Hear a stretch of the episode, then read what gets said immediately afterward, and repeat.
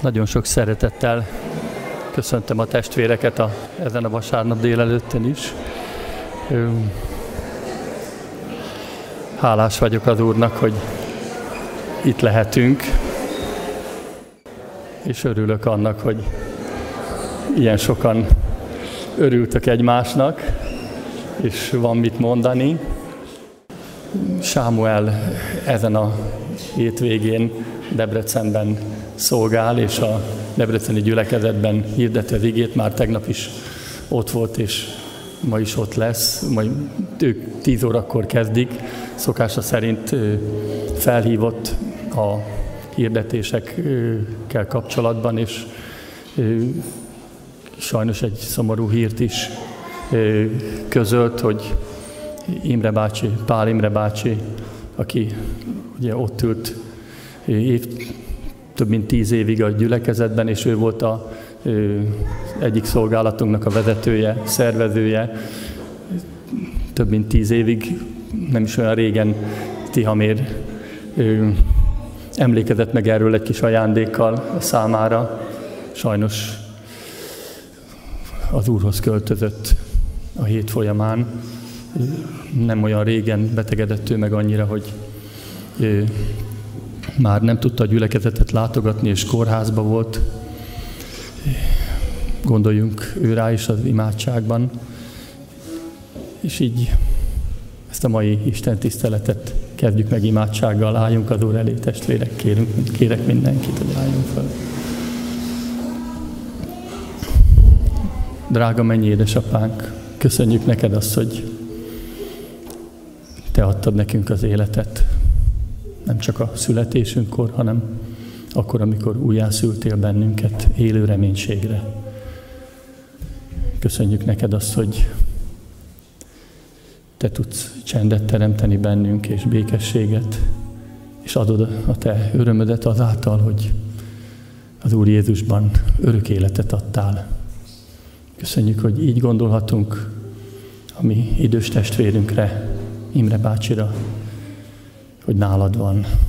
Köszönjük ezt, Úr Jézus, hogy te ott a Golgotai kereszten, ahogy értünk, ő érte is meghaltál. És levetted az ő bűneinek a terhét, ahogy a miénket is. És hiszük, Urunk, hogy színről színre láthat téged. Kérünk a családért, hogy te enyhítsd az ő fájdalmukat, és enyhítsd a mi fájdalmunkat is a veszteségért, hogy ezen a földön az ő szeretete által nem ismerhetjük már a te szeretetedet, de köszönjük, hogy közvetlenül mehetünk hozzá. Kérünk Sámuelér, áld meg őt a szolgálatában, és kérünk most magunkért is, Uram, hogy tudjunk veled találkozni, tudjunk hozzád futni, hozzád menekülni, minden nehézségünkben, problémánkban. Köszönjük, hogy örömet és boldogságot akarsz nekünk adni, Kérünk, így áldj meg ma is bennünket ezen az alkalmon és egész életünkben. Amen. Kérem a dicsőítő csoportot, hogy vezessen bennünket imádatban.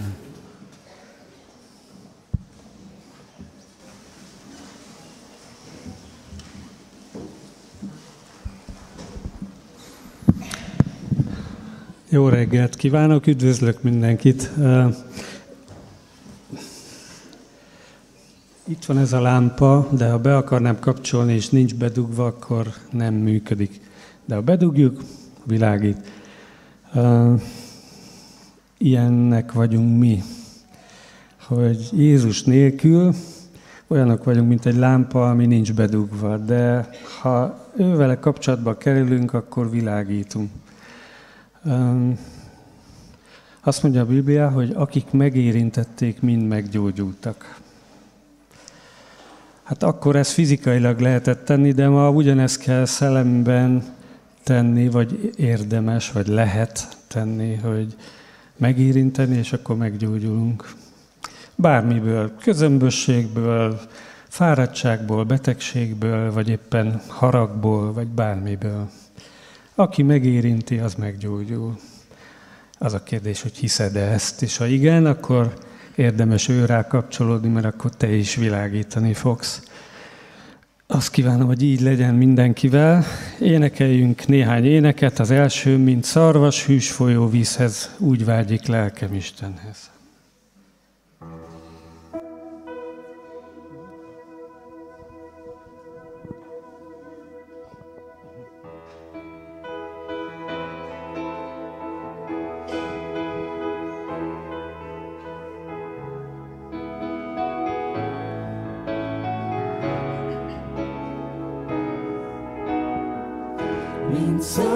Magas hős folyó vízhez, úgy vágyik lelkem Istenhez. Ő megszabadít, elveszi minden tőle.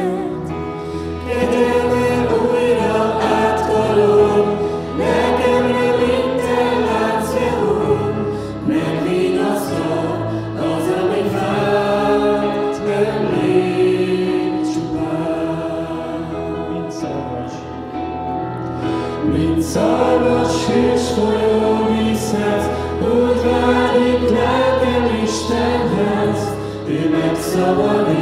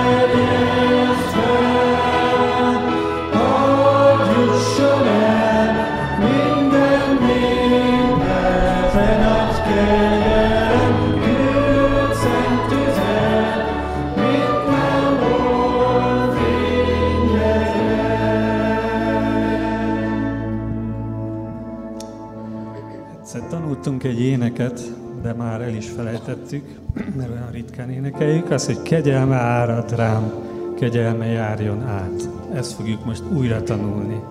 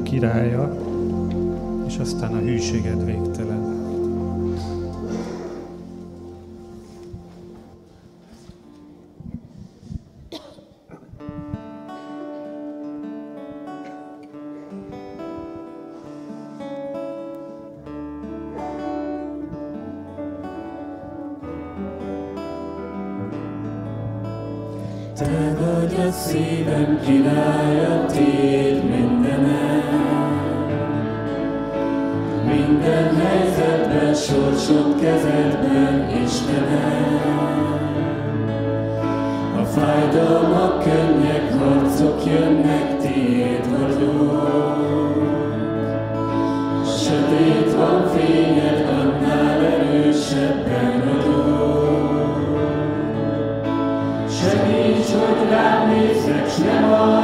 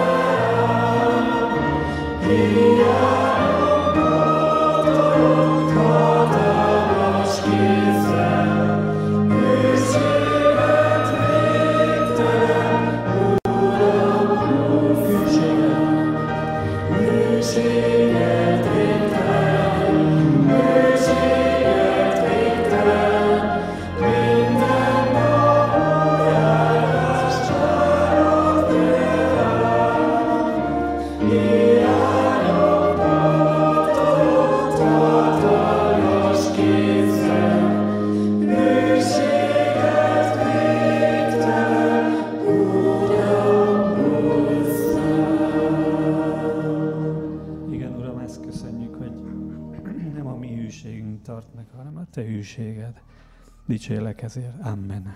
Foglaltok helyet.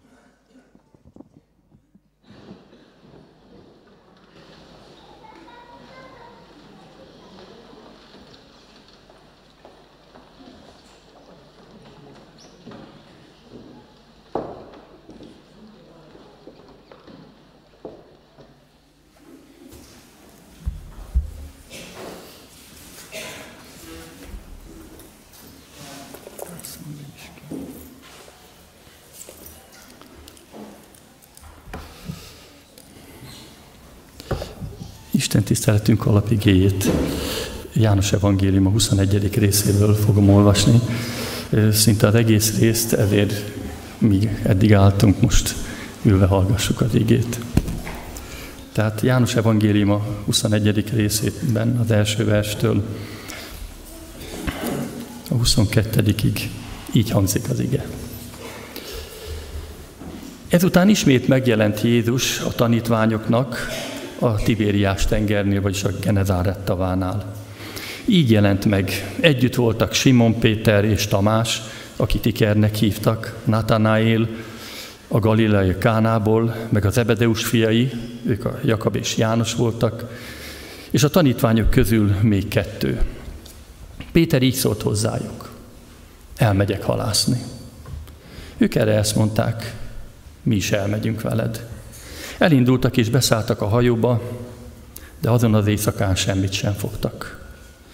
Amikor már reggel lett, megállt Jézus a parton, a tanítványok azonban nem tudták, hogy Jézus az.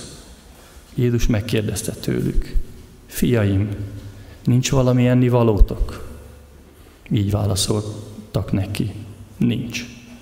Ő pedig ezt mondta nekik, vessétek ki a hálót a hajó jobb oldalán, és találtok. Kivetették tehát, de kivonni már nem tudták a rengeteg hal miatt. Ekkor odaszólt Péterhez az a tanítvány, akit Jézus szeret. Az Úr az. Amint Simon Péter meghallotta, hogy az Úr az, magára vette felső ruháját, mert mezitelen volt, és bevetette magát a tengerbe. A többi tanítvány pedig a hajóval jött, mert nem voltak messze a parttól, csak mint egy kétszáz könyöknyire, és kivonták a hálót a halakkal. Amint kiszálltak a partra, parazsat láttak ott, rajta halat, és még kenyeret is. Jézus így szólt hozzátok, hozzájuk. Hozzátok, most a, hozzátok a most fogadt halakból. Simon Péter beszállt, és kivonta a partra a hálót, amely tele volt halakkal, szám szerint mint egy 153-mal. És bár ilyen sok volt, nem szakadt el a háló. Jézus ezt mondta nekik jöjjetek, egyetek. A tanítványok közül azonban senki sem merte őt megkérdezni, ki vagy te. Tudták ugyanis, hogy az Úr ő. Jézus tehát odament, vette a kenyeret, és odaadta nekik, ugyanúgy a hallat is. Ez már harmadik alkalom volt, hogy Jézus megjelent a tanítványoknak, miután feltámadt a halottak közül. Miután ettek, így szólt Jézus Simon Péterhez. Simon, Jóna fia, jobban szeretsz engem, mint ők. Ő pedig így felelt, igen, Uram, te tudod, milyen kedves vagy nekem. Jézus ezt mondta neki, legeltesd az én bárányaimat. Másodszor is megkérdezte, Simon, Jóna fia, szeretsz-e engem? Ő ismét így válaszolt, igen, Uram, te tudod, milyen kedves vagy nekem. Jézus erre ezt mondta neki, őrizd az én juhaimat. Harmadszor is így szólt hozzá, Simon, Jóna fia, kedves vagyok neked. Péter elszomorodott, hogy harmadszor is megkérdezte tőle, kedves vagyok neked. Ezért ezt mondta neki, Uram, te mindent tudsz. Te tudod, hogy kedves vagy nekem. Jézus ezt mondta neki, legeltesd az én juhaimat. Bizony mondom neked, mikor fiatalabb voltál, fölöveszted magad, és oda mentél, ahová akartál. De amikor megöregszel, kinyújtod kezedet, és más övesz fel téged, és oda visz, ahová nem akarod. Ezt azért mondta, hogy jelezze, milyen halállal dicsőíti meg majd Istent. Miután ezt mondta, így szólt hozzá, köves engem. Péter ekkor megfordult, és látta, hogy követi János. Őt látta tehát Péter, és megkérdezte Jézustól, Uram, hát vele mi lesz? Jézus pedig így szólt hozzá, ha azt akarom, hogy ő megmaradjon, amíg eljövök, mit tartozik rád? Te köves engem. Imádkozzunk. Úr Jézus, bocsáss meg azt, hogy nem tudunk téged igazán szeretni.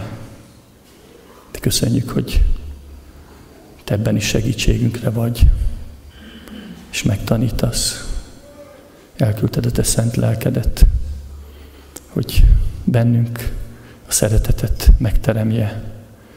Kérünk, Urunk, hogy ma is cselekedd ezt, és köszönjük a elhívást a Te követésedre. Bocsáss meg, Uram, hogy olyan nagyon elhanyagolom ezt, és kérlek, Uram, hogy teremts új lelket bennem, és mindannyiunkban, hogy tudjunk Téged egész életünkkel követni.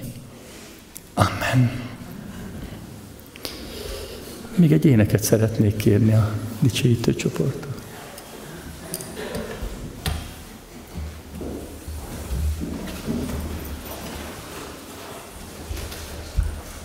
Azt fogjuk énekelni, hogy megtaláltam Jézus útját.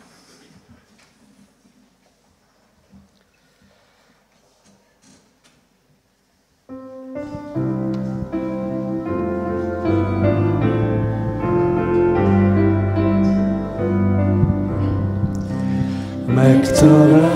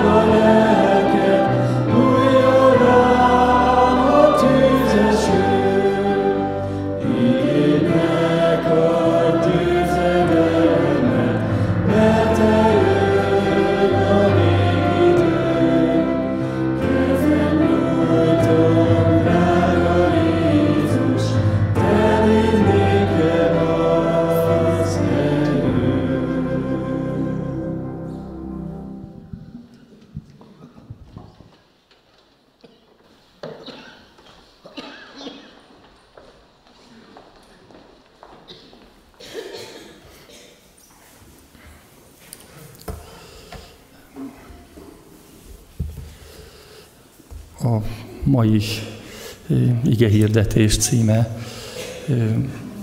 Sámuel tanácsára a tanítvány helyreállása.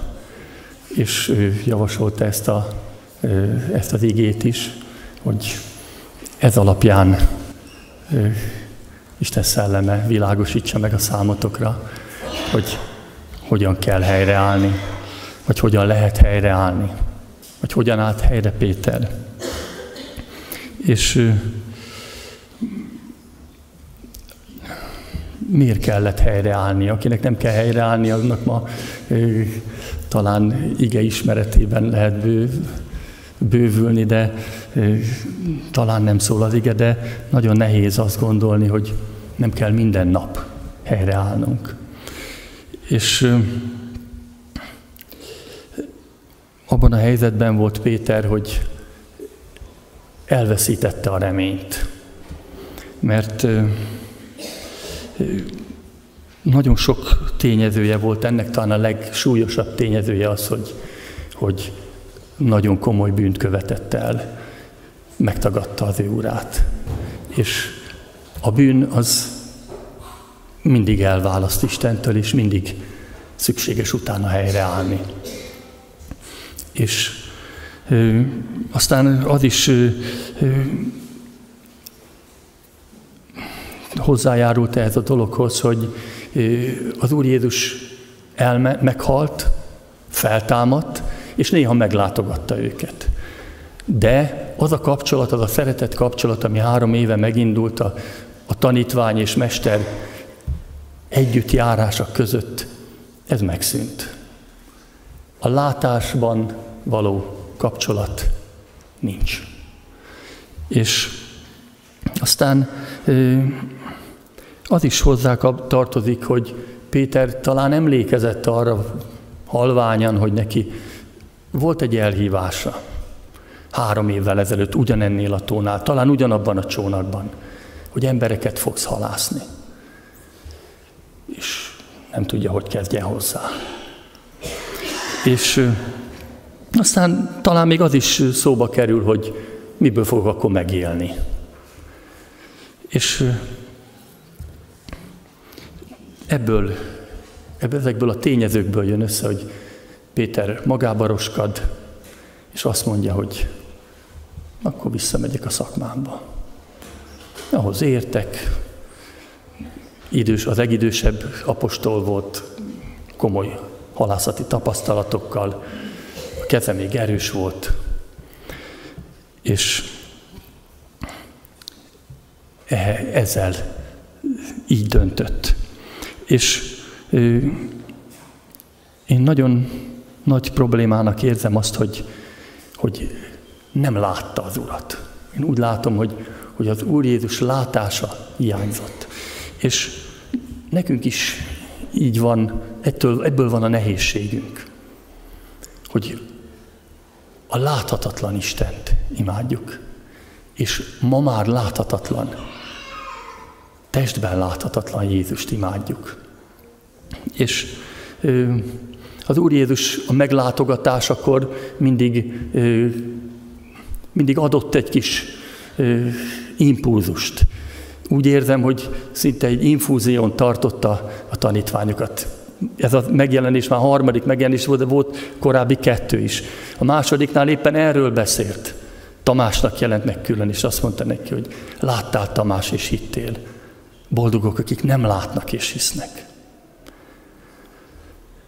De Péter valahogy a nem látásban nem tud megnyugodni. És hiányérzete van. Amikor az Úr Jézus, ha jól tudom, Péter is ott volt, amikor az Úr Jézus Kapernaumban volt, és a több helyen is írja ezt az írás, akkor a kapernaumi királyi embernek a fia haldoklott. És az ember elment hozzá, és azt mondta, hogy, hogy Mester, jöjj, mert meghal a gyermekem. És utána a tömeg és mindenki azt várt, hogy most elmegyünk, és megnézzük, hogy az Úr Jézus hogy fog gyógyítani. Az Úr Jézus körülnéz, és azt mondta, hogy ha, ha nem láttok, nem hisztek. És azt mondta ennek a királyi embernek, a te fiad él. És így szól az ige, hitt az ember a szónak, és hazament. És a fia élt. Hiszel a szónak. Isten szava itt van a kezünkben, a Biblia. Ha megszólít, akkor higgy a szónak. Mert Isten szava tud csak eligazítani. És amikor egy-egy ige megvilágosodik, akkor hinnünk kell a szónak. És aztán Péter megtanulta ezt a leckét, majd a ige hirdetés végén derül ki, hogy hogy is tudta ő ezt megtanulni, bár az imádságomban is bennem ott el kell árulnom. Isten szent szelleme tanította meg arra, hogy higgyen a szónak, és ne látásban járjon. De most még úgy próbáltam mondani, hogy infúzión volt. Jött az Úr Jézus, azt mondta, rájuk lehet, vegyetek szent lelket. És vettek. De nyolc nap múlva még megint ott ültek, kuksoltak szegények, félelmükbe, és akkor jött Péternek, hogy, vagy Tamásnak mondta, hogy láttál Tamás hittél. Boldog, akik nem látnak és hisznek. És Péter, amikor megírja az ő levelét, akkor ugye szorványban lévő gyülekezeteknek írja, és akkor azt írja nekik, hogy őt, vagyis Jézust szeretitek, pedig soha nem láttátok. Ez Péter levelében van megírva az első, rész, az első levél nyolcadik részében. És utána úgy folytatja, hogy ő benne hisztek, bár most sem látjátok, és kimondhatatlan, dicsőült örömmel örvendeztek, mert elértétek hitetek célját, lelketek üdvösségét. Nem látásban, hanem hitben járunk. És Péter ezt még akkor nem tudta, nem tanulta meg. Nem is könnyű. Nagyon megítél ez az ige. Valamikor szomorú vagyok érte, de hittel, hitetlenséggel vallottam, hogy azt hiszem, amit látok. És nem akarok megítélni senkit, mert nagyon sokan így vannak, és én is így voltam, és kegyelem, ha valaki, valakinek egyszer csak látása van. Látja az Urat. És ugye eszembe jutott az is, hogy, hogy Péternek lehetősége volt visszamenni. Hát én azt gondolom, hogy mindannyiunknak van lehetőség egy elhívás után visszamenni, de amikor én először kezdtem hallgatni az igét, akkor egy igen nagyon keményen, nem is ige ez, hanem egy szó nagyon keményen szíven ütött. Ez azzal kapcsolatos, hogy néztem itt a felsorolásban, bár azt írja, hogy két tanítvány nem nevez meg, az egyik András, aki nem volt közöttük.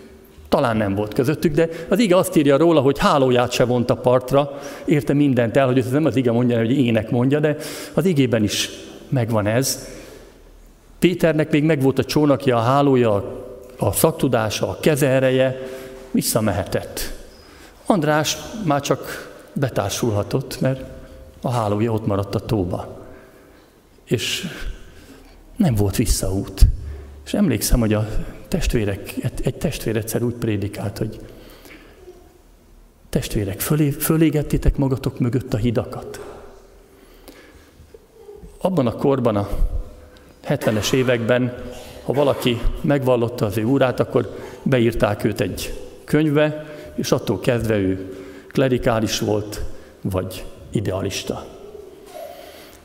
Hát hirdették a testvérek, hogy mi nem idealisták vagyunk, hanem realisták, mert számolunk azzal, hogy az ember bűnös, de Isten szeret. Ma is ez a látásom, hogy aki hisz, az realista. De aki bekerült egy ilyen nagy könyvbe, az általában fölégette maga mögött a hidakat, bizonyos dolgokban korlátozottá vált, aminek én azt gondolom, hogy aki ezt tette, őrült. De azt gondolom, hogy ma is vannak hidak. Ma is vannak megmaradt hálók, amik a régi élethez kötnek. És hogyha a helyreállásról szeretnénk beszélni, akkor megkérdezi ma az Úr, hogy köte valami még a régi életedhez. Vissza tudsz-e oda menni? Újra kezdheted-e azt, amit azelőtt csináltál? Vagy nincs visszaút? Nagy áldás az, ha nincs visszaút. Olyan sokszor mondtam, olyan hálásan hallottam, én, én nem tudtam felégetni magam mögött a hidat. Amikor fociztak lenne az udvaron a társaim, és akkor egyszer valaki azt mondta, hogy a Géza most azért nincs itt, mert a Bibliát olvassa. Nem mertem megvallani az urat, de hogy ő honnan tudta, hát nem, nem voltak titkok, és most sincsenek titkok. Testvér, égest föl magad mögött a hidat. Ne akart, ne tudj visszamenni. Valójában mindig adódik lehetőség, de minél nehezebb, annál jobb. És előtör Péterből a józanész, minden lehetőségem megvan, ha az nem ment, majd megy ez. és azt mondja, hogy elmegyek halászni. Tragikus kijelentés ez. Van egy elhívásom, tudom, mit kaptam, tudom, hogy embereket kéne halásznom, és én halakat fogok fogni. És, és hiszek magamban, hogy ez menni fog. Mert hogy felsoroltam, mindenem megvan hozzá. Minden fizikai dolog megvan hozzá. Borítékolható a bukás is. És az a nehéz ebben, hogy a hitetlenség az ragadós. A hit is ragadós, de a hitetlenség is. És ott van a többi tanítvány, Péterrel másik hat, és azt mondják, hogy akkor mi is megyünk. Három évig tanítványai voltak az Úr Jézusnak, és azt mondják, hogy elmegyünk veled.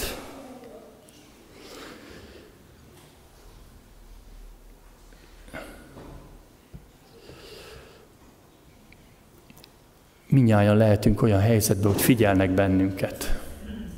És sokszor krízis helyzetben. Most mit lép? És követ, követni fognak bennünket. Mi vagyunk a föld sói, a világ világossága. Mindenkinek van olyan környezete, ahol világítania kell, és ahol őt figyelik, még akkor is, ha nem tud róla. Most mit tesz a hívő? Ha fölégetted magad még egy picit is a hidakat, akkor már tudják. Mit, fogsz, mit tesz? És követnek. Vagy nem követnek, de, de egy kérdőjelet azért oda tesznek a maguk élete mögé, hogy tényleg erre kell nekem menni.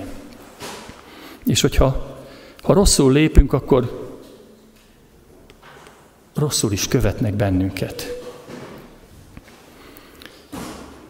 És a helyreállás útjának az egyik lépése az, hogy, hogy Péter ugyan úgy látszik maga dönt arról, hogy visszamegy a Genezáreti tóhoz halászni, viszont Isten keze benne van.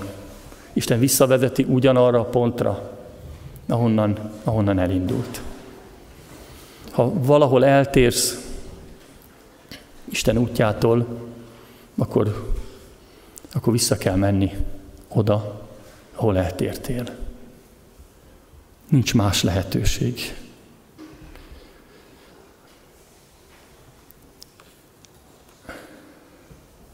És ebben a nagyon szomorú helyzetben az Úr Jézus utána megy a tanítványainak. Ez a csodálatos ebben, hogy Isten nem hagy magunkra. Bárhogy is tévedünk el, valahol az Úr Jézus meg fog jelenni. A parton lehet, hogy mi nem ismerjük föl, nem valaki más szól, de ott lesz. És akit egyszer elhívott, az a hitem, hogy nem hagyja, hogy azon a bizonyos hídon visszaforduljon, vagy visszaússzon, vagy visszacsónakázzon a régibe. Ez a mai ige nekem erről is szól. Az Úr Jézus nem hagyja, hanem oda megy utánuk, és meg is szólítja őket. Így szól, fiaim. Hát én azt hiszem, hogy az Úr Jézus fiatalabb volt Péternél, feltámadott testben volt jelen, és a legszeretettebb szóval az eltévedt tanítványoknak azt mondja, hogy fiaim. És megkérdezi nagyon finoman, hogy van-e mit ennetek? Nélkülem most jutottatok-e valamire?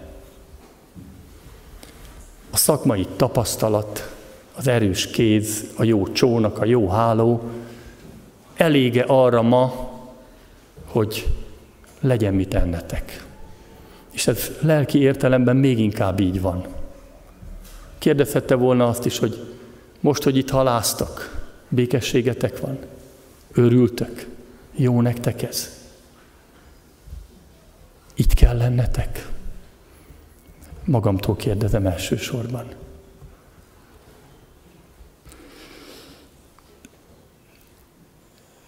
Tudja az Úr Jézus, hogy most van rá a legnagyobb szükség. Különösen Péternek van szüksége rá.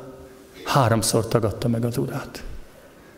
Annyira maga alatt van a bűne miatt, hogy és a kijelentése miatt, hogy elmegyek halászni, hogy, hogy most nagyon nagy szükség van kegyelemre. És Jézus az ajtó előtt áll és zörget. És kérdezi, van-e mit ennetek? Én azt hiszem, hogy téged is keres, és mindannyiunkat keres Isten, és az Úr Jézus.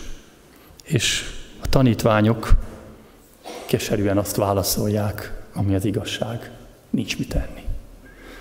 Úgy is lehet értelmezni, hogy éhesek is vagyunk, de úgy is lehet értelmezni, hogy elkeseredettek vagyunk, egész éjjel haláztunk, semmit nem fogtunk, békétlenek vagyunk, nincs mit tenni.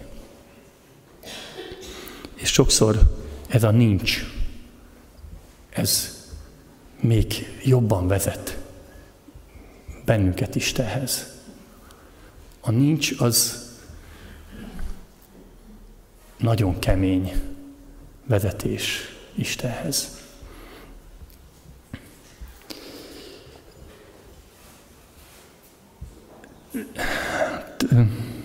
Jákob élete jut eszembe erről a nincsről. Röviden megpróbálom elmondani. Jákobnak öt dolga volt, ahogy lehet, hogy több is, de én csak ötöt találtam. Az egészsége, a szerelme, a József fia, az áldása és a Benyámin fia. Mind a három bálványként nőtt fel az életébe. És ami, miután az angyallal küzdött, és azt mondta az angyal, hogy küzdöttél Istennel és emberrel, és győztél, és mától kezdve Isten harcol érted, és te pedig Isten harcosa leszel, onnantól kezdve elindult egy, egy csodálatos új élet útján. És ebben az életben a nincsekkel szembe kellett néznie. Az első mindjárt az egészsége. Amikor harcolt az angyal, azt írja az ige, az angyal a harc folyamán megérintette a csípőjét, és sánta lett Jákob, és úgy ment tovább. Néhány nap vagy hét múlva a szülésnél Ráhel meghalt. És Ráhelért 14 évet szolgált Jákob. Annyira szerette, szerelmes volt bele a mindene volt. Később is mindig azt mondta, hogy József és Benyámin azért, mert attól a szerelmemtől születtek. Ők a, ők a kedvencem, mindenem. De Rachel bálványimádó is volt. És Isten úgy látta jónak, hogy az a harmadik ősatya Jákob nem térhet le Isten útjáról. És Rachel meghalt. Eltemette. És jött a harmadik József, akit különösen szeretett. És cifra ruhát adott neki, és mindene volt, és ő volt a, a kis kedvenc, a bálvány. És látszólag őt is el kellett temetnie. És utána jött a negyedik, az áldás. Egész életében áldást kért. Amikor megáldotta Izsák Jákobot, és jött Ézsau, és kérdezte, hogy van-e még áldásod, atyám? Azt mondja, hogy minden bort, mindent, búzát, minden terményt, mindent neki adtam. De csak ilyen világi dolgokat sorol fel. A békesség nincs közte. És Jákob eljut oda, hogy majdnem éhen hal. Nincs mit tenni. Nincs. Hogy itt mondják? Nincs. És végül, amikor már a nincs olyan szintűvé válik, akkor az ötödiket Benyámint is oda kell adni. És amikor mindez megtörténik, akkor néhány hét múlva, nem tudom milyen hosszú volt az út, Izraelből egy Kánánból Egyiptomig megjelennek a fáraó szekerei, és azt mondják, József él. Visszakapsz minden áldást, gazdagságot, két fiadat, minden a tied.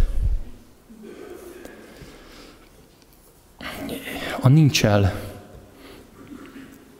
Isten így bánik velünk. Senki nem akar a nincsben élni. De higgyük el, hogy Isten a javunkra munkálja. És amikor ott, és erre nincsre az Úr Jézusnak van egy válasza. Vessétek a hálót a hajó jobb oldalára. Honnan tudta? Hát, mert jó, jó halász szakértelme volt. Meg jó hálókészítő is volt az Úr Jézus, mert nem szakadott a háló. Szóval oda kell tenni, és lesz. Ha az Úrtól, az Úrral halászol, akkor van eredmény. És, és a körülményekből, hogy ennyi hal van egész éjszakai halászat után, már nap, nappal van, már nem is harapnak a halak, ahogy mondják a halászok, egyszer csak ennyi halat fognak. És János, nem Péter, aki már három évvel ezelőtt ezt átélte, azt mondja, az Úr van ott. Megismered-e a körülményekben, amik körülötted vannak, hogy most nagy a gazdagsága. Most fogtam 153 halat, két hónapig ide se kell jönni, ebből simán megélünk. Megismered-e a körülményekből, hogy az Úr van ott veled, és dicsőíted-e őt azért, hogy ő veled van. Hogy sikerek vannak az életedben, hogy nem a, nem a magadé ez, hanem az Úr van ott. Ő mondta, hogy mit csinálj. Ő tudja, hogy mit kell tenni.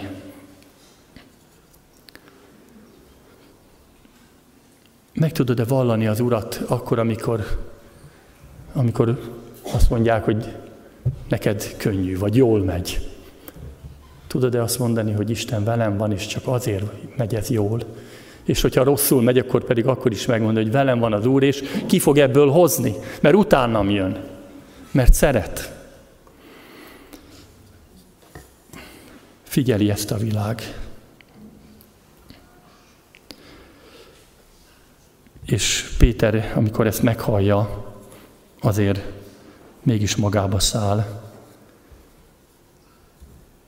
ahogy Péter szokott, és fölkapja az ingét, mert ugye mesztelenül haláztak, mert minek az a ruha rajtuk, csak akadályozza a hálóhúzásba, fölveszi a ruháját, beugrik a tengerbe, ez a 200 könyök olyan 90 méter körülbelül, és azt úszva teszi meg. Azért ez is fontos. Jó van, hát az úr van ott, majd kimegyünk. Nem. Ha tudom, hogy az úr ott van, akkor oda megyek. És hiszem azt, hogy így jöttem ma én is, és ti is ide, hogy az Úr itt van. És oda megyek.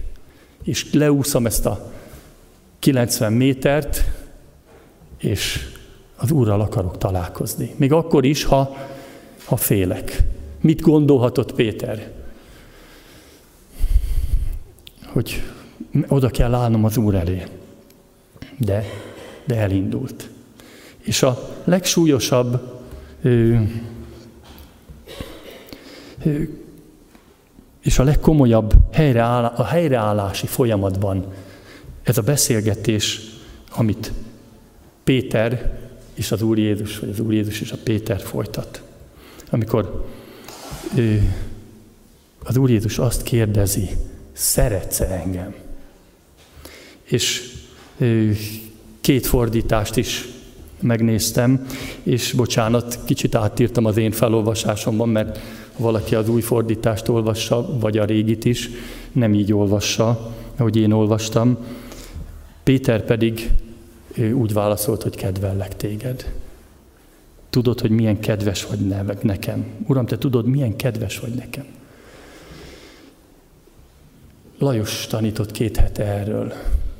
Péter, vagy az Úr Jézus az agapé szeretettel kérdez, az isteni szeretettel. És Péter nem mer, nem tud válaszolni, Csak a kedvellek szóval, a filiával. És akárhányszor kérdezi, csak a filiát tudja mondani, mert ott az Úr Jézus előtt legalább igazat akar mondani. Csak kedvellek. Én is ezért kezdtem keresni az Urat. Sokszor beszélek a megtérésem igéjéről, de volt ennek előzménye. Amikor a budapesti nagykörúton sétáltam egy-egy vizsga után, és széles út, nem voltak olyan sokan, villamosok járnak, és, és azt mondom, hogy de jó lenne, ha lenne társam. És egyedül járok, de valójában, ha lenne is, tudnám én őt szeretni. Tudok én egyáltalán szeretni? Nagyon, nagyon nagy hiány volt ez bennem. Tudtam, hogy egy kő, vagy még rosszabb, egy jégcsap van a szívem helyén. Ez az óemberi természetem.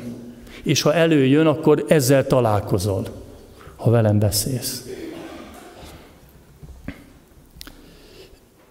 És azt fogalmaztam meg akkor, és ma is így gondolom, hogy így nem lehet és nem is érdemes élni. Ha nem tudok szeretni, azzal a szeretettel, amit az Úr Jézus kérdez, akkor nincs értelme az életemnek. És Isten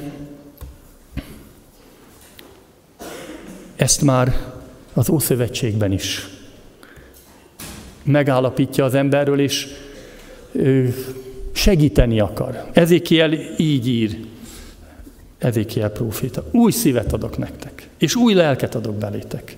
És eltávolítom testetekből a kőszívet, és húsz szívet adok nektek. És az én lelkemet adom belétek, és gondoskodom róla, hogy rendelkezéseim szerint éljetek, törvényeit megtartsátok és teljesítsétek. Ezékiel 36-26-ot olvastam. A bűnbe esett ember elvesztette azt a képességét, ahogy Lajos is mondta, hogy isteni szeretettel szeressen. És nincs más lehetőség, csak ha kicserélik a szívét. Egy újra. Egy húsra. Az új szövetségben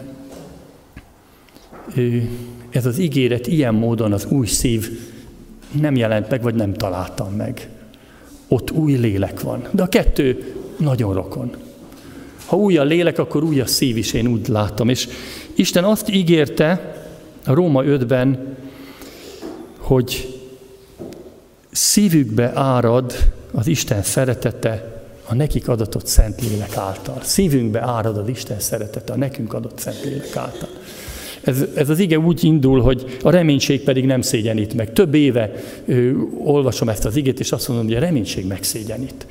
Hát, hogyha nem teljesül, akkor én most mondanék valamit, hogy ö, nem tudom, hogy vagy mond egy, egy vizsgát, hogy én pedig ötösre fogok vizsgálni, és csak négyesre sikerül, és akkor szégyenkezik ott, hogy de nem. De, azt de, az, de ez így folytatódik, és ezt most, hogy készültem, azt mondja, mert valamilyen oknál fogva nem szégyenít meg, mert az Isten szeretete a szívünkbe áradt.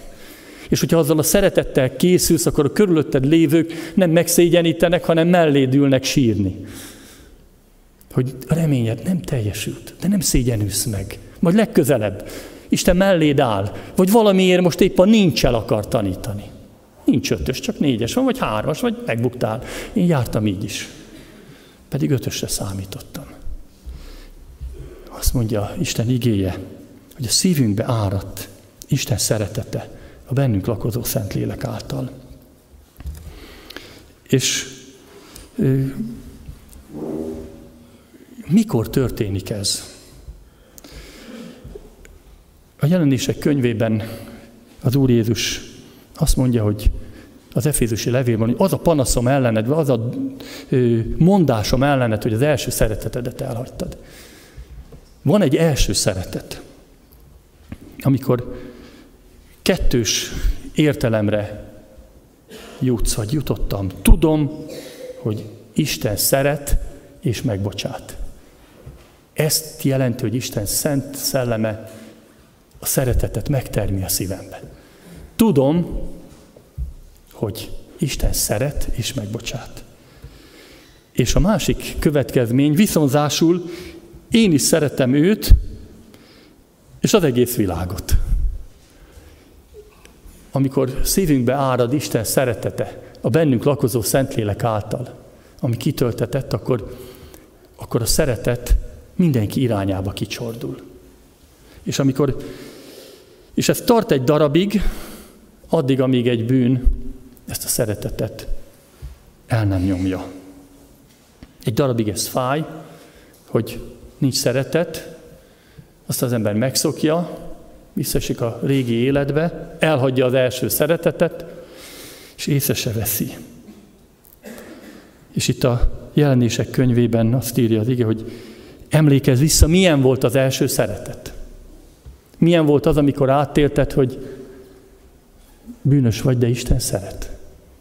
És milyen volt az, hogy amikor leszakadt rólad minden harag, ítélet, minden emberi kapcsolat gátja, és marad csak a szeretet. És Pétert is a helyreállítás folyamatában Isten, az Úr Jézus, ez az első szeretethez hívja vissza. Hát ez úgy történt, hogy Péter meg se akarta hallgatni három évvel ezelőtt az Úr Jézust ott a, a Genezáreti tónál. Ő csak a hálóját most a dühösen, mert egész ilyen nem fogott semmit. De az Úr Jézusnak kellett egy lelátó, és azt mondta, hogy te halász, gyere, és add ide azt a csónakot, hadd üljek bele. És amikor az Úr Jézus elvégezte a prédikációt, a part volt a lelátó, ő meg kicsit beljebb vezet, hangot jól vezeti, a víz kiváló prédikációs lehetőség volt. Azt mondja Péternek, hogy evez mélyre. Én most veled akarok, csak, csak veled. Ez máshogy nem megy, csak kettesben az Úrral. És akkor azt mondja Péternek, hogy fest ki a hálót fogásra. Mint hogy most mondta, jobb oldalra dobjátok. Dob ki. Nem mondja Péter, és olyan csodálatos, hogy Péter nem mondja, hogy de hát uram, a tömeg ott nevet engem, napfénybe itt fogok halászni, de a hit kockázatát vállalja, hogy kinevetik. Ez ma is így van. Vállald a hit kockázatát, de Péter vállalta. És a halak láttán nem örül, hanem azt mondja, hogy nem vagyok méltó ennyi halra. Menj el tőlem, mert én bűnös ember vagyok. És akkor az Úr Jézus azt mondja, hogy emberhalász leszel. Akkor még nem tudja, három évig az én tanítványom leszel. Az Úr Jézusnak híre volt már akkor.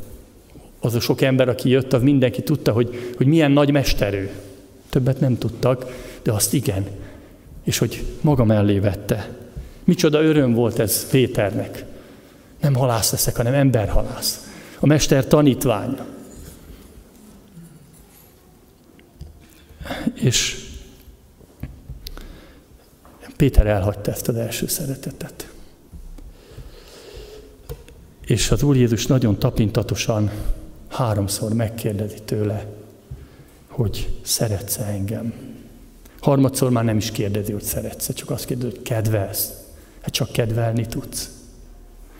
És Péter ért a számok nyelvén, és azt írja az ige, hogy megszomorodott. De az Úr Jézus ott van mellette, és átérzi Péternek a nagyon nehéz helyzetét. Hogy a vállán ott van a tagadás és az elhagyás súlya. Mert az Úr Jézus tudja, hogy milyen súly a bűn. Mert Péter tagadásának a súlyát, súlya az ő szegekkel tartott kezét húzta. És tudja, mi van a Péter vállán. Hogy milyen rettenetes a bűnben élni. És most még ez a bűn Péter vállán van. Hát akkor a kereszten van, vagy a Péter vállán. Mind a kettő helyen. csak akkor kerül át Péter szempontjából az Úr Jézusra az ő bűne és a keresztre, amikor Péter elhiszi azt, hogy az ő bűneit hordozta. Hit nélkül nem megy. Minden bűnödért meghalt az Úr Jézus. A kereszten mind ott van. Egy kérdés van. Ha szabadulni akarsz, csak hitáltal lehet. Hiszed. És Péter még ezt nem hiszi. Roskadozik. Szinte sír. Uram, majdnem amikor végén azt mondja, Uram, kedvellek téged, nem szinte hozzá lehetne tenni.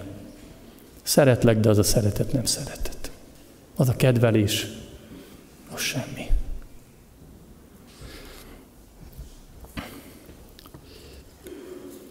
De az Úr Jézus mégis nevén nevezi a bűnt. Nem tudja. A kakas szó, a kakas is nevén nevezte, az Úr Jézus ránézett Péterre a harmadik tagadás után, az is nevén nevezte, és most a harmadik kérdés is nevén nevezi. Megtagadtál. És Péter elszomorodott. Azt írjuk, azt olvastuk itt. Szomorú lett. Azt mondták a, vagy azt hallottam a régen, mind a kettőt egyszerre. Azt mondják, bánat nélkül nincs bocsánat. És utána, akitől ezt hallottam, mindjárt hozzátett, és most hadd mondjam én is tovább. Öröm nélkül nincs bocsánat. Mert akkor, akkor leszel boldog, és akkor kapod meg a bocsánatot, nem akkor, amikor bánkódsz miatta, hanem amikor elhiszed, hogy az Úr Jézus levette rólad. Hitáltal. És örülsz. Ekkor kaptad meg a bocsánatot kell a bánat. Az Úr Jézus nem tudja ezt kikerülni. A kegyelemről szóló evangélium anélkül nem ér semmit, hogy ne tudnánk, hogy mit nem az Úr szerint tettünk. Ha nincs bűn, nincs értelme kegyelmezni.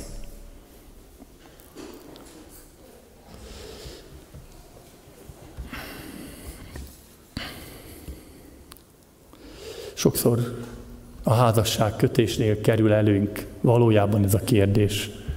És kell a házasulandóknak azt mondani, hogy a mellettem állót szeretem, szeretetből veszem feleségül, vagy szeretetből megyek hozzá. És fölvetődik az a kérdés, hogy milyen szeretet ez a szeretet? Melyik szeretet? Nem akarom részletezni, de lehet, hogy a házasság kötő termekben csak az eros szót értik alatta azok, akik igennel válaszolnak. Jó dolog, ha valaki már a filiával tud válaszolni, hogy kedvelem azt, aki mellettem áll. Péter nem meri kimondani azt a szót, hogy szeretlek. Még az Úr Jézusnak sem. Ma reggel két unokát hozott el tegnap a szüleitől a feleségem, és reggel fölébredt a egyik kicsi, és itt a cumis üvegből, és úgy odahajoltam hozzá, és megsajnáltam a gyerekeket, nincsenek a szüleiknél. Tudom-e én pótolni? És azt mondtam neki, hogy szeretlek a Dávidkának. És úgy, úgy a szívembe, hogy tényleg tudom én úgy szeretni, hogy a szülők, tudom én pótolni a szülőket. Nem fogja ez a pici sírni itt velem.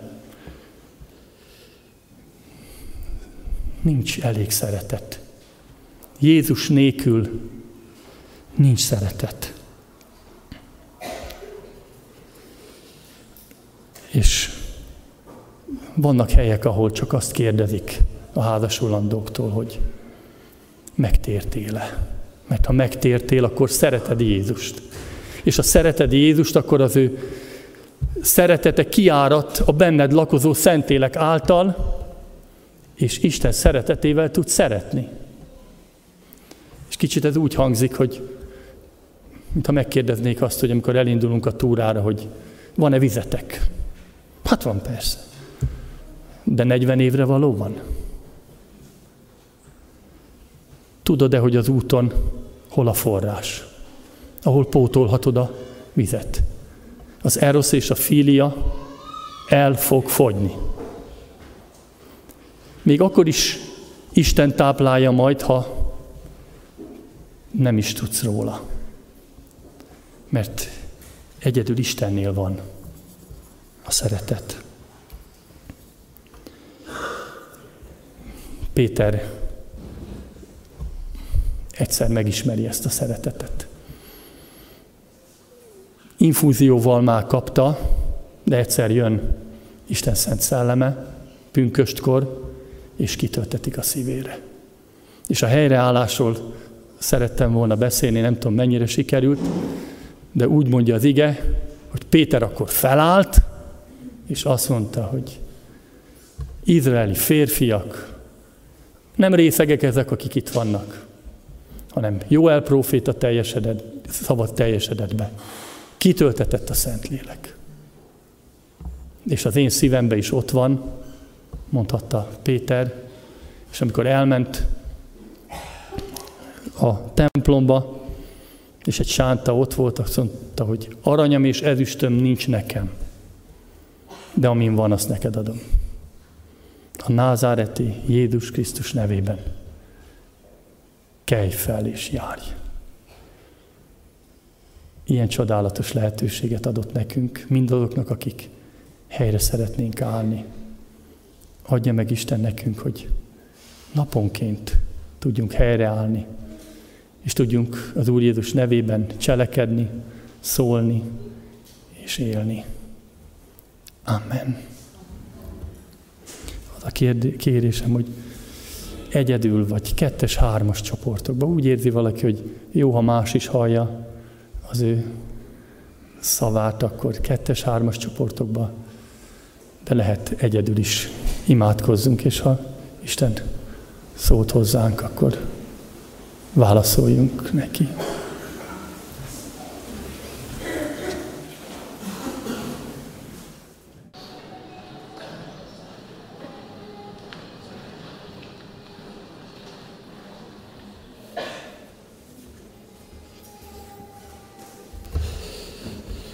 Mennyi édesatyánk, köszönjük neked, hogy te szeretsz, és bocsáss meg nekem, hogy én se tudok csak kedvellek szóval válaszolni. De köszönöm, Uram, hogy megtapasztalhattam, hogy Te kitöltötted a Te szent szellemedet, és ő benne van szeretet. Köszönöm, hogy Te adni akarod ezt nekem és mindannyiunknak. Kérlek, teljesíts be a mi életünkbe, amely az Úr Jézus nevében kérünk ezért. Amen.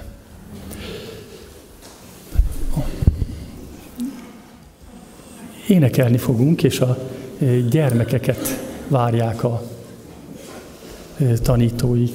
Kérem őket, hogy menjenek most ki, és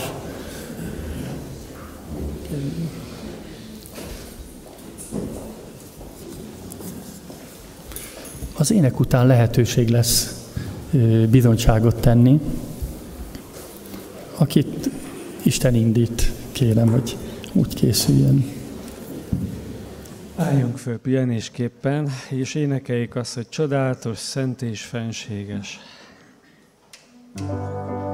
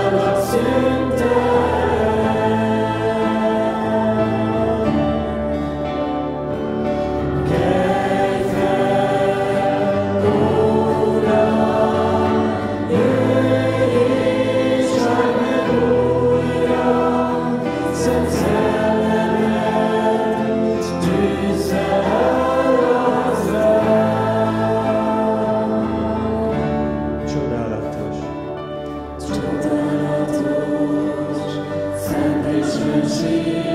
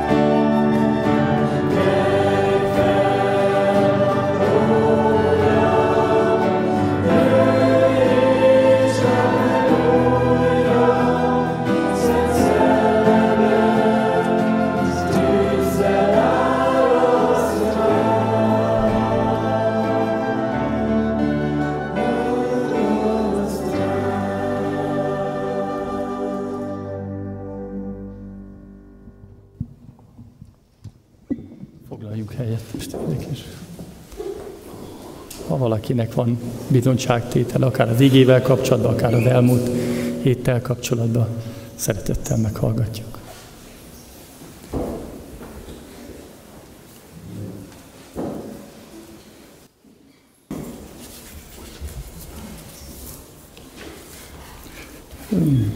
Megpróbálom én kezdeni. Már többször hát arról tudok bizonyságot tenni, ami velem történik.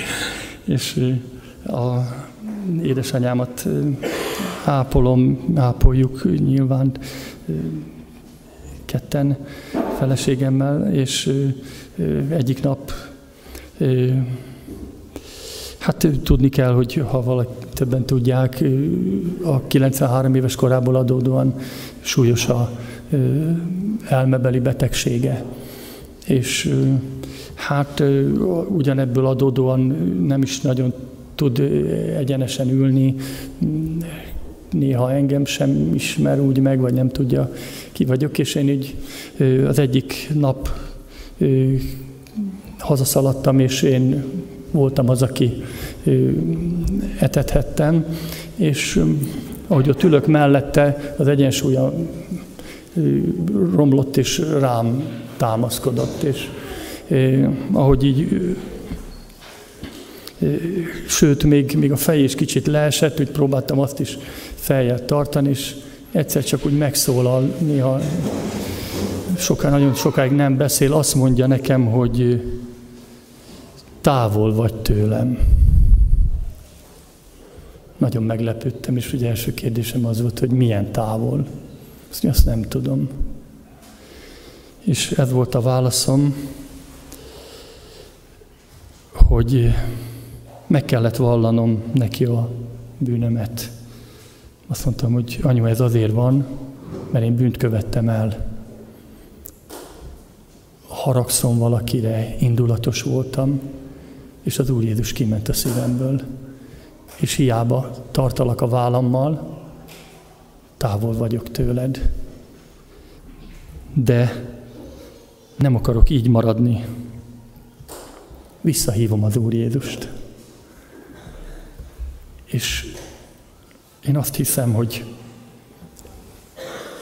nagy kegyelem, nem nagy kegyelem, ha méltad bennünket arra, hogy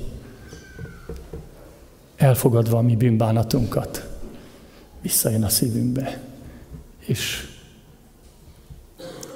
nincs más lehetőség, mint Isten szent szellemét hívni, töltsön be, és a szelleme által áradjon ki újra Isten szeretete mindannyiunk szívébe, és ez naponta kell, lehet, hogy többször is, de mindig jó visszatérni, és megérezni azt, hogy Isten akkor is szeret, ha, ha mi távol vagyunk tőle is, és ugyanakkor az embertársainktól is. Nem működik, hogy valakit nem szeretek, a másikat meg fogom szeretni. Az isteni szeretet úgy nem működik, hogy csak egy ember felé, vagy kettő, vagy öt, de egyet meggyűlölök. Ez nem fér meg egy szívben. Vagy az egyik, vagy a másik. Akinek van bizonyságtétele, várjuk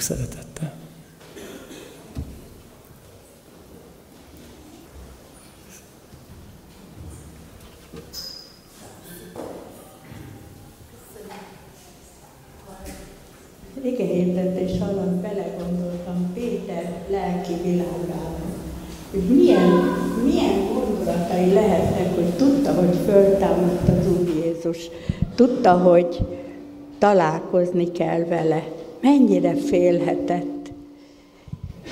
És hányszor vagyunk mi is úgy, hogy tudjuk, hogy rosszat tettünk, tudjuk, félünk, ahelyett, hogy oda mennénk az Úr Jézushoz, és kérni a bocsánatát. De Péter is megvárta azt, nem is látta meg az Úr Jézust, János látta meg, mert lehet, hogy nem akarta látni, hogy ő van a parton. És mi is sokszor úgy vagyunk, hogy nem, nem szívesen megyünk az Úr elé, nem szívesen találkozunk olyankor vele, amikor nem jót tettünk. De az Úr Jézus jön, és azt mondja, hogy fiam, én szeretlek téged, te szeretsz engem. És akkor ez a szelíd, vigasztaló szó, ami már tudjuk, hogy megbocsátotta azt, amit tettünk, ez elég nekünk ahhoz, hogy mindig hozzá menjünk, hogyha valami nem jót teszünk, hogyha a sátán megkörnyékez bennünket, Tudni kell azt, hogy mindig van egy biztos pont, egy szeretet, ami a mi szeretet, szeretetünket fölülmúlja. De nekünk is kell nagyon-nagyon szeretni és menni hozzá. Ezt kívánom minnyájunknak.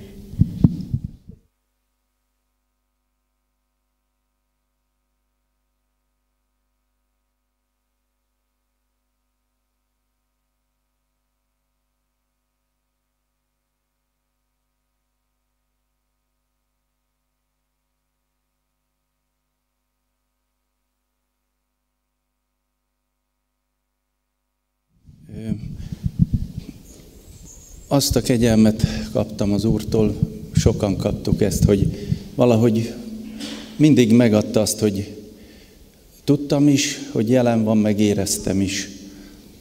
És 16 éves voltam akkor, amikor egy ilyen kis ifjúsági alkalmon sírva és zokogva rám nehezettek a bűneim, és utána megtapasztaltam azt az örömöt, amit az ad az embernek, hogy az Úr Jézus teljesen megbocsátja bűneit, és én is ezt átélhettem, és azóta is örömöm van e fölött. És az Úr szent lelk által a szívembe költözött, meg bennünk él, és annyira jó ez vele járni, és érezni, tudni, hogy velünk van. És azt szeretném elmondani pár mondatban, hogy életemben talán néhányszor engedte meg az Úr, valószínű szeretetlenségem, lázadásom, bűnöm miatt, hogy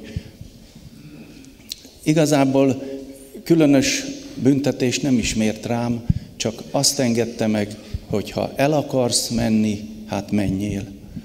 És biztos ti is jártatok így, és aztán egyszer a semmi, az üresség, a hideg, jégcsap, jeges világba éreztem magam, és fél napig tartott, vagy két napig, néhány ilyen volt, de nagyon nehéz volt, pedig semmi extra terhet nem kaptam, vagy büntetést. És azt akarom elmondani záró gondolatként, hogy olyan jó, hogy az Úr mindig visszafogad, és én úgy tapasztaltam az életemben, hogy az Úr Jézussal járás az az újrakezdés útja. Lehet újrakezdeni, sírva imádkozni, letérdelve vagy lefekve, vagy kimenni az erdőbe és ott letérdelni, sírva imádkozni, és az Úr visszafogad, visszaszeret, és nagyon jó a közelségébe élni, úgyhogy dicsőítem a nevét, hogy ott élhetek, és mindenkinek ezt ajánlom, magamnak is, hogyha eltávozom, akkor igyekezzek visszamenni hozzá, mert nagyon jó vele. Köszönöm.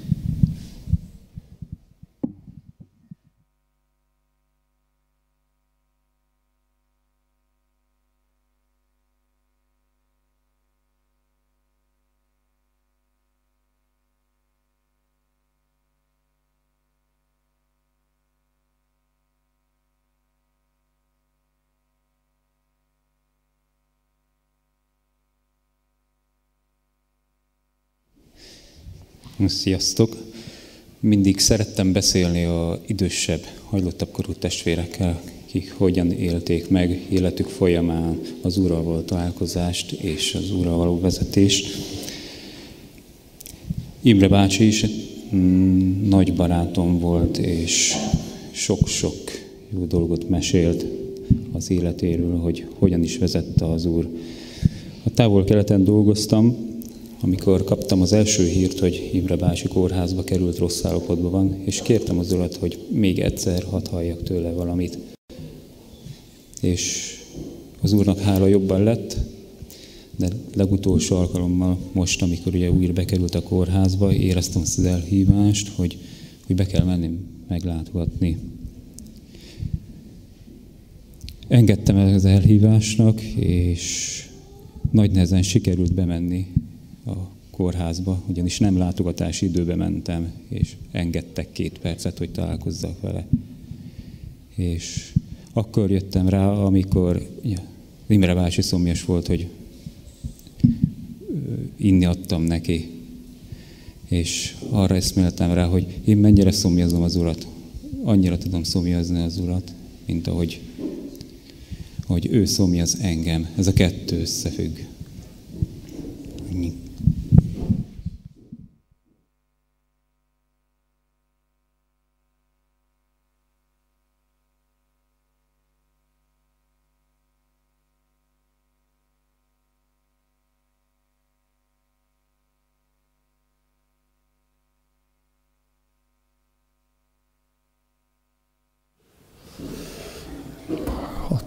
Több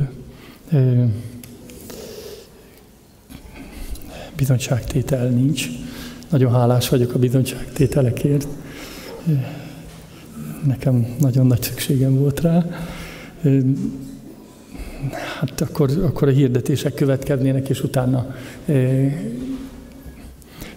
majd a záróéneket énekeljük.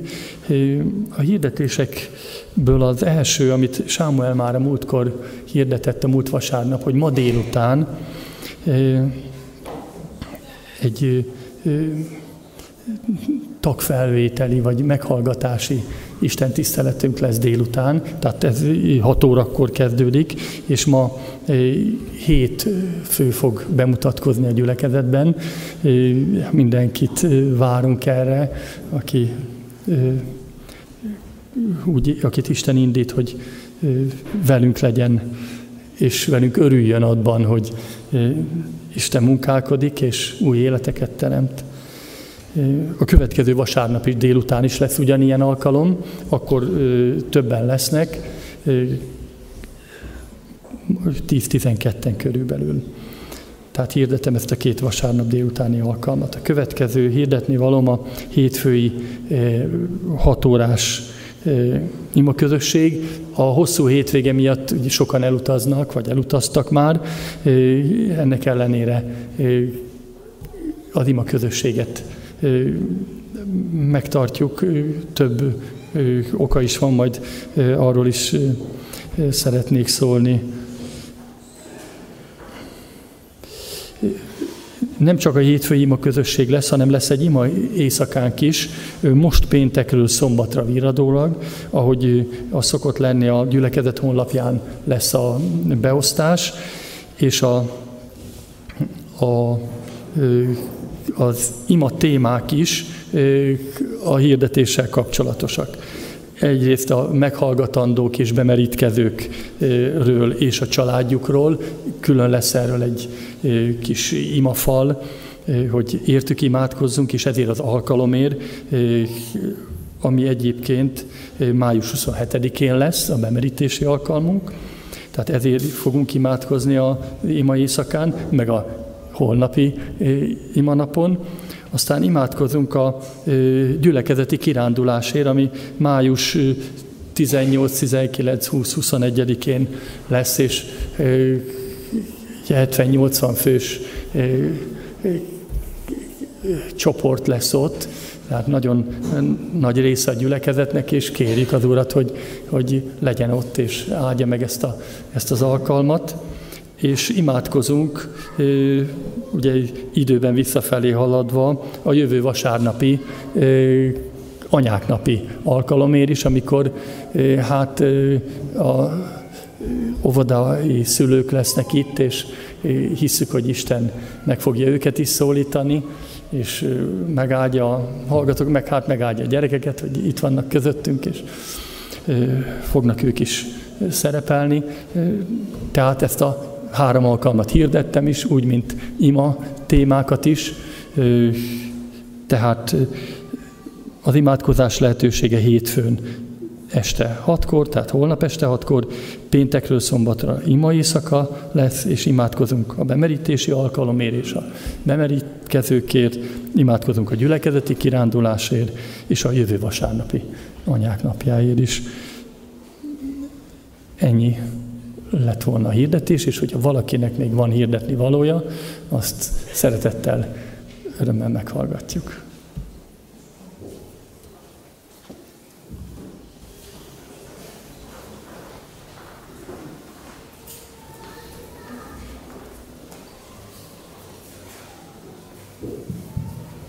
Sok szeretettel köszöntöm a gyülekezetet, aki nem ismerne, Hodozsó Gyurinak hívnak az Isten kegyelméből nyáron Mellivel mennyasszonyommal összekötjük az életünket, és erről szeretnék pár információt megosztani a gyülekezettel, úgyhogy át is adom a szót Mellinek.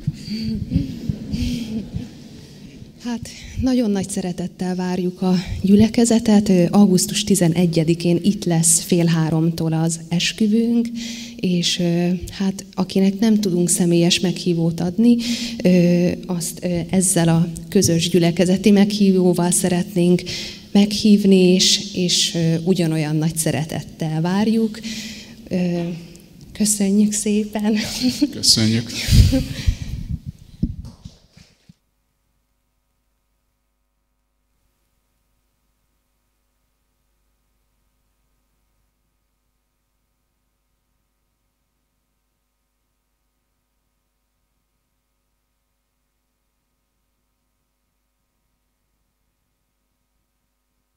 röviden szeretnék a gyülekezet kirándulásáról pár szót mondani. A honlapon is van fönt adat. 18-án pénteken fogunk indulni. Hát majd ennek az indulásnak a részleteit még megbeszéljük, azért még van pár nap, de tervezett odaérkezés 18 óra körül, mert akkor lesz a vacsora.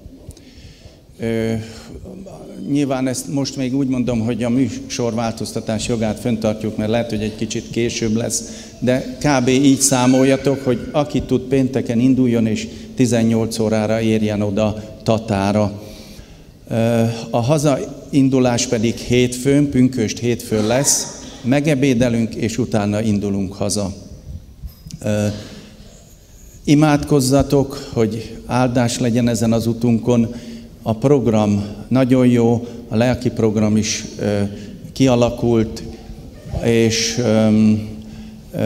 főleg a, a Szentlélekről, a Szentlélekkel teljes életről, annak az előzményeiről lesz szó a tanításokban, lesz majd fórumbeszélgetés, és a, azokban az időkben, amikor nem lesz közösségi, tehát ilyen lelki program, akkor pedig kirándulásokra megyünk.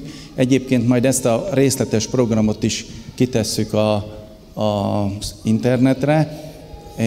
Én már alig várom, szerintem nagyon jó lesz, úgyhogy már előre örülök, és annak is örülök, hogy az Úr itt is itt van velünk, meg ott is ott lesz. Köszönöm.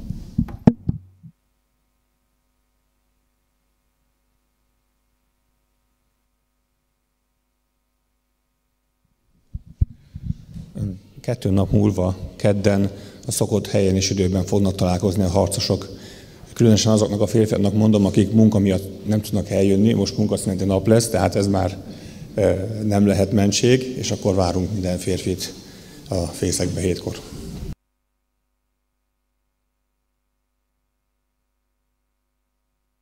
Ha több hirdetés nincs, akkor befejező éneket fogunk énekelni. Az ének alatt a gyűjtési szolgálat is megtörténik. Senki számára nem kötelező az adakozás, aki úgy készült, vagy ezzel is szeretné dicsérni az Urat, annak lehetősége van. A 305-ös éneket énekeljük, csak Krisztusban kaptam reményt, fönnállva Krisztusban kaptam